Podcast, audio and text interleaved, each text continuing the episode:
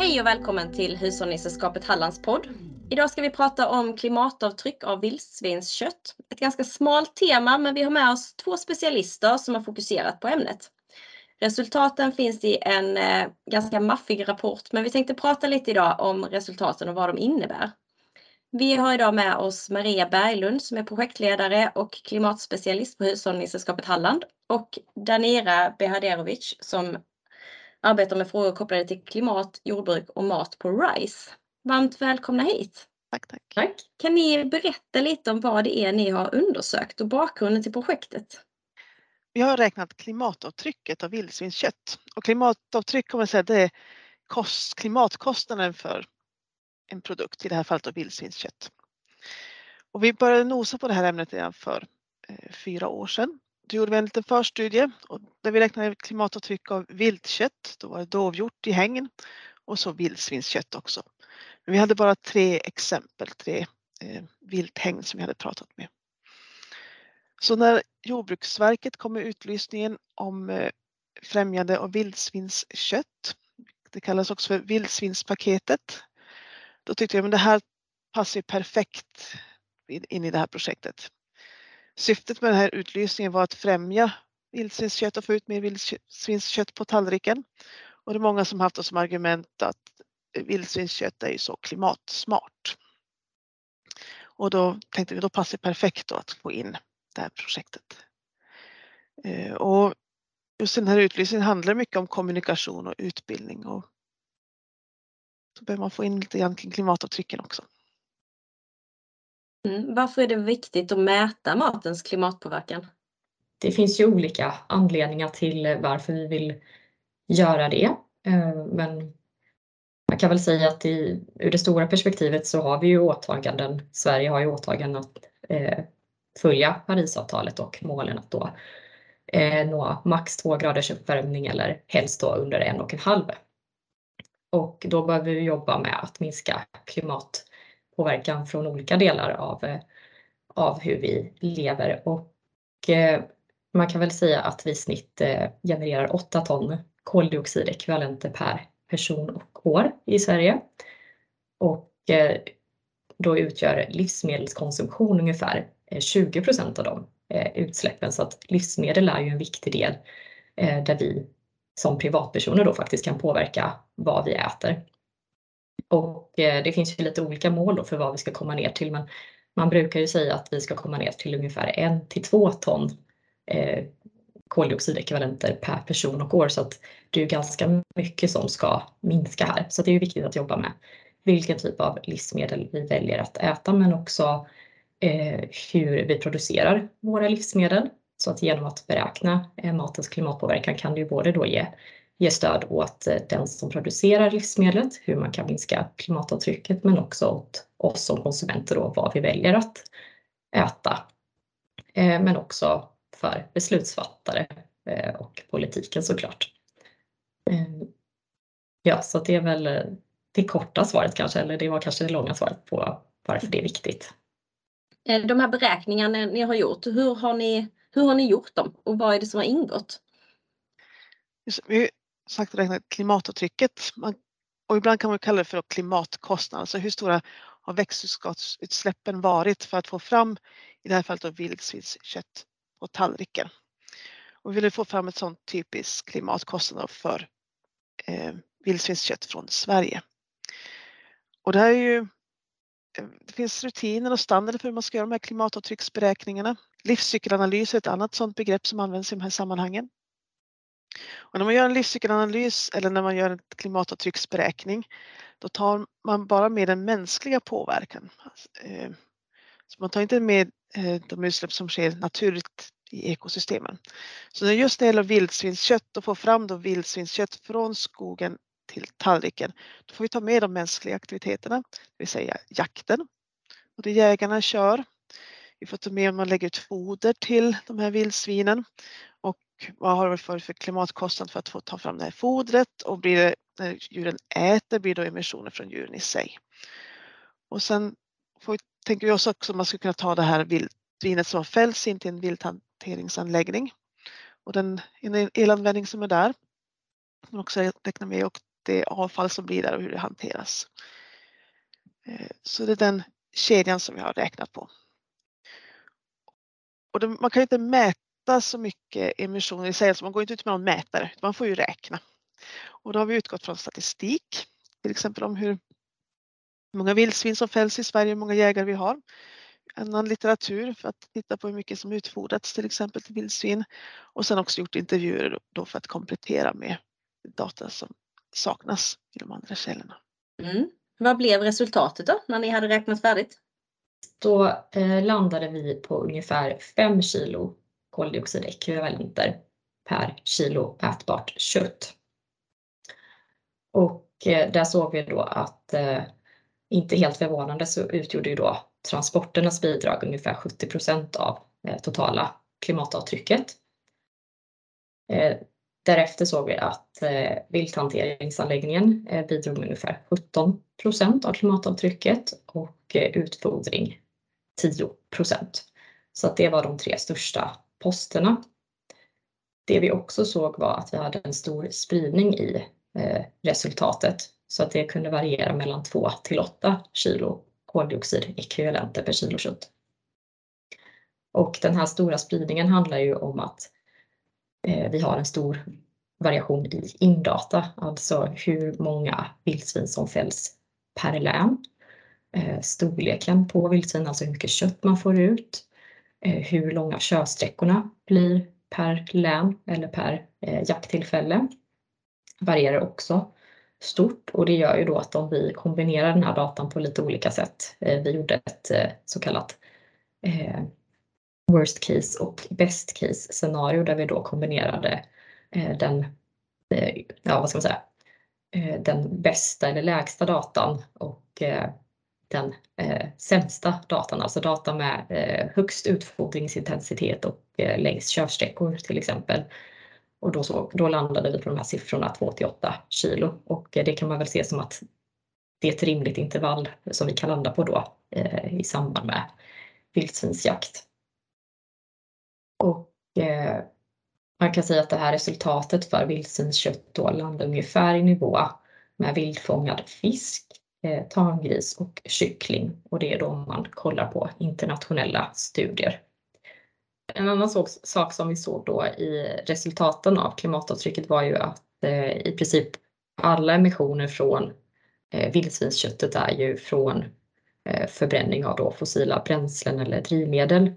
Och det är ju en väldigt stor skillnad eh, jämfört mot uppfödning av lantbruksdjur, alltså om vi har kött från tamgris där ju majoriteten av utsläppen eh, är så kallade eh, biogena utsläpp, alltså lustgas från användning av mark och gödsling eller eh, metanemissioner då från fodersmältning. Och just de här biogena emissionerna, lustgas och metan, är ju, de går att minska men är ju väldigt mycket svårare att minska jämfört med att byta ut fossila energislag eller drivmedel. Så att när vi ser då på potentialen för vildsvinskött att eh, sänka klimatavtrycket så kan vi ju nästan komma ner till noll där bara genom att eh, byta drivmedel och det är ju en väldigt stor fördel som, som borde lyftas fram.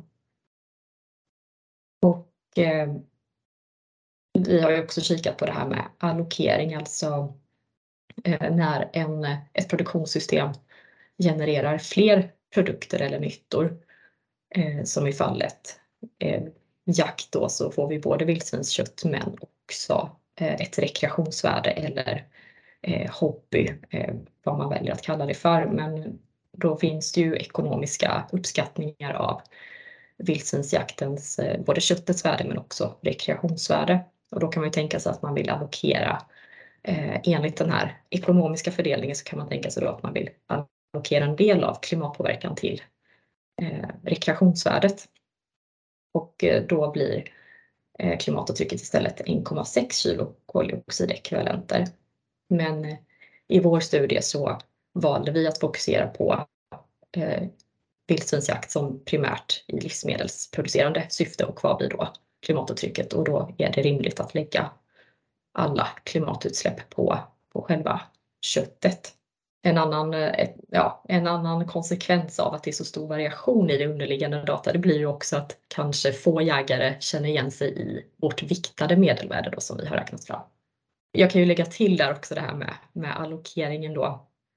Eh, det har vi fått en del frågor kring och eh, vårt resonemang där har ju också varit att när man till exempel räknar på kött från eh, eller naturbeteskött så genererar ju det köttet också andra nyttor i form av att vi Eh, hävdar betesmarker och biologisk mångfald. Men där allokerar vi ju inte en del av, eh, eller liksom fördelar ju inte en del av klimatpåverkan till den nyttan. Eh, så att för att vara konsekventa med hur man har gjort i tidigare livscykelanalyser av kött så så var det också en anledning till varför vi valde att i våra huvudresultat lägga all klimatpåverkan på vildsvinsköttet. Mm. Ja, du nämner flera nyttor här, men finns det andra vinster förutom låg klimatpåverkan med viltkött? Ja, vildsvinskött skiljer sig ganska mycket från kött från djur som vi föder upp. Eh, vi har ju det här med djurvälfärd och att vildsvinen ju faktiskt lever eh, ute i det fria och vilda eh, under hela sin livstid.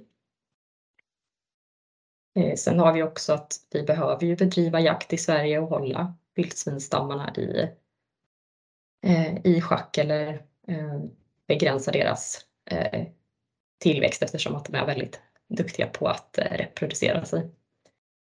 Eh, så att eh, vi, vi behöver ju ha jakten i vilket fall och som sagt så är det ju en stor hobby för, för många.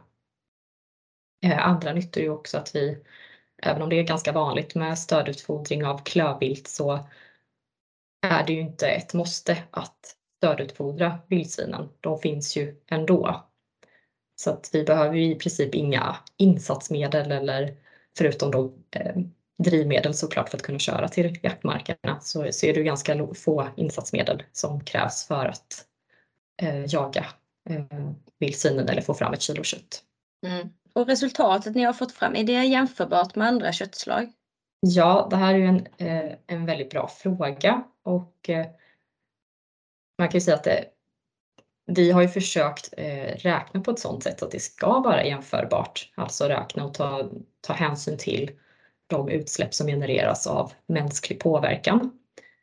Så att eh, vi anser ju att svaret är ja här, att man kan eh, jämföra med andra köttslag. Men framförallt så behöver vi kanske kunna göra det för att eh, resultatet blir ju väldigt ointressant om vi inte kan sätta det i relation till, till annan livsmedelsproduktion. Eh, sen är inte det samma sak som att man liksom ska rakt av jämföra de här resultaten och basera, basera alla beslut utifrån det, utan det är snarare ett bra kunskaps och diskussionsunderlag eh, för att kunna diskutera de här resultaten. Och att faktiskt kunna visa på att eh, vi har klimatpåverkan i samband med, med viltkött också.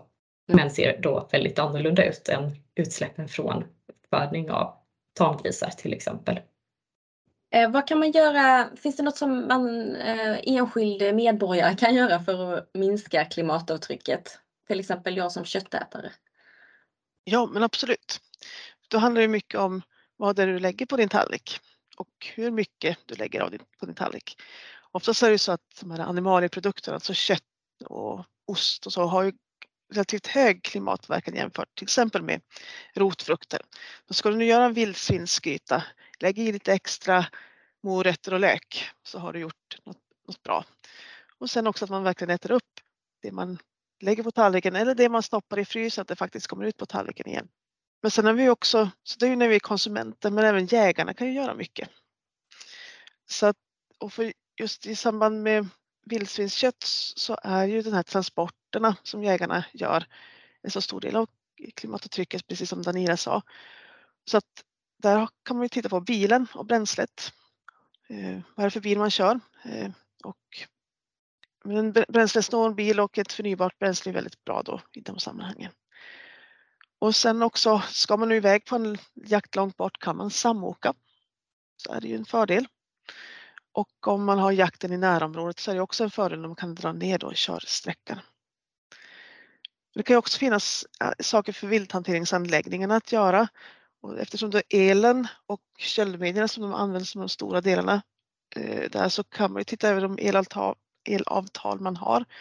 Så man har ett avtal med förnybar elmix eller ett som inte innehåller fossila kraftslag. Och också kylanläggningarna är en sak att titta på eftersom läckage av källmedium kan ge stor klimat klimatpåverkan om det är ett källmedium som har väldigt stor klimateffekt. Mm, är det något du vill tillägga? Mm. Ja, men det, det var ett eh, väldigt bra svar Maria och eh, man kan väl säga lite, om man har ett lite större perspektiv eller ja, men det här med eh, kött och att vi, vi behöver ju faktiskt äta mindre kött per person och år så kan man ju tänka att det kött vi då väljer att äta vill vi ju välja så bra varor som möjligt som vi vet bidrar till flera nyttor och då är det ju eh, vildsvinskött är ju då ett bra alternativ eh, eftersom att det ju är en resurs som redan eh, finns. Eh, en naturlig resurs så att säga. Eh, men också att man kan tänka på liksom, vad, får, vad finns det för andra nyttor med kring biologisk mångfald med betande djur till exempel. Eller, eh, att eh, I Sverige har vi en låg eh, antibiotikaanvändning till exempel och eh, eh strikta krav när det kommer till djurvälfärdsfrågor. Så att, eh, eh att välja bra, bra köttalternativ vill jag väl slå ett extra slag för. Eh, jag kan ju också lägga till där med det här med att jämför med andra köttslag att som vi har gjort i vår studie att det finns ju såklart fler viktiga parametrar som man inte ska glömma och det har ju det här att göra med eh, näringsvärde till exempel. Det får vi inte heller glömma bort.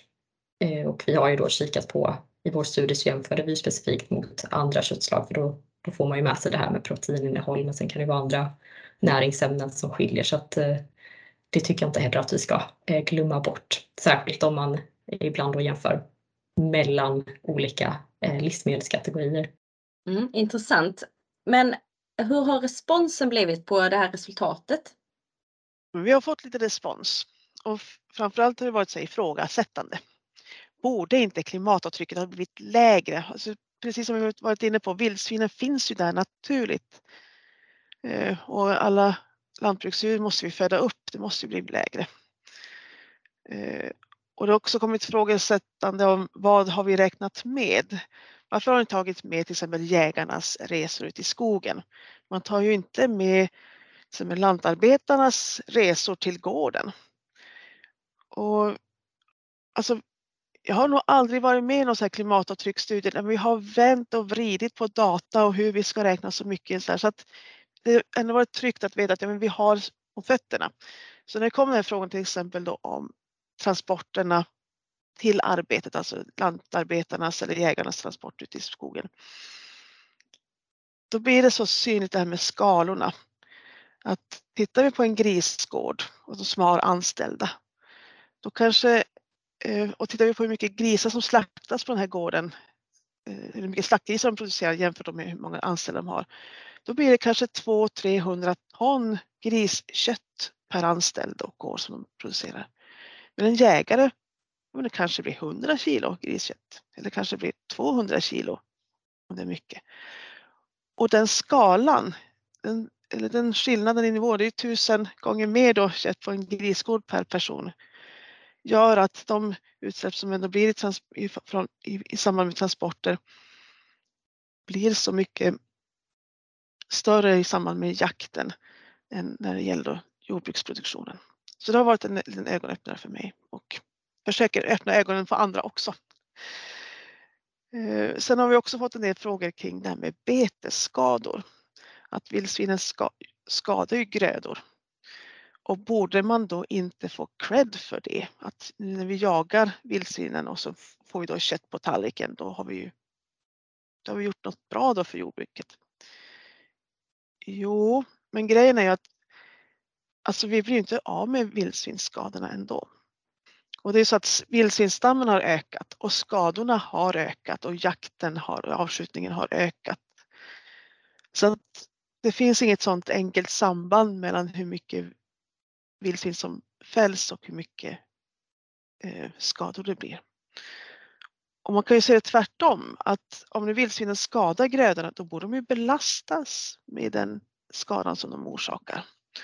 Och då gjorde vi också en sån här räkneövning och såg att de här skadorna som vildsvinen orsakar i jordbruket, det är ungefär fem gånger större än vad de hade behövt äta.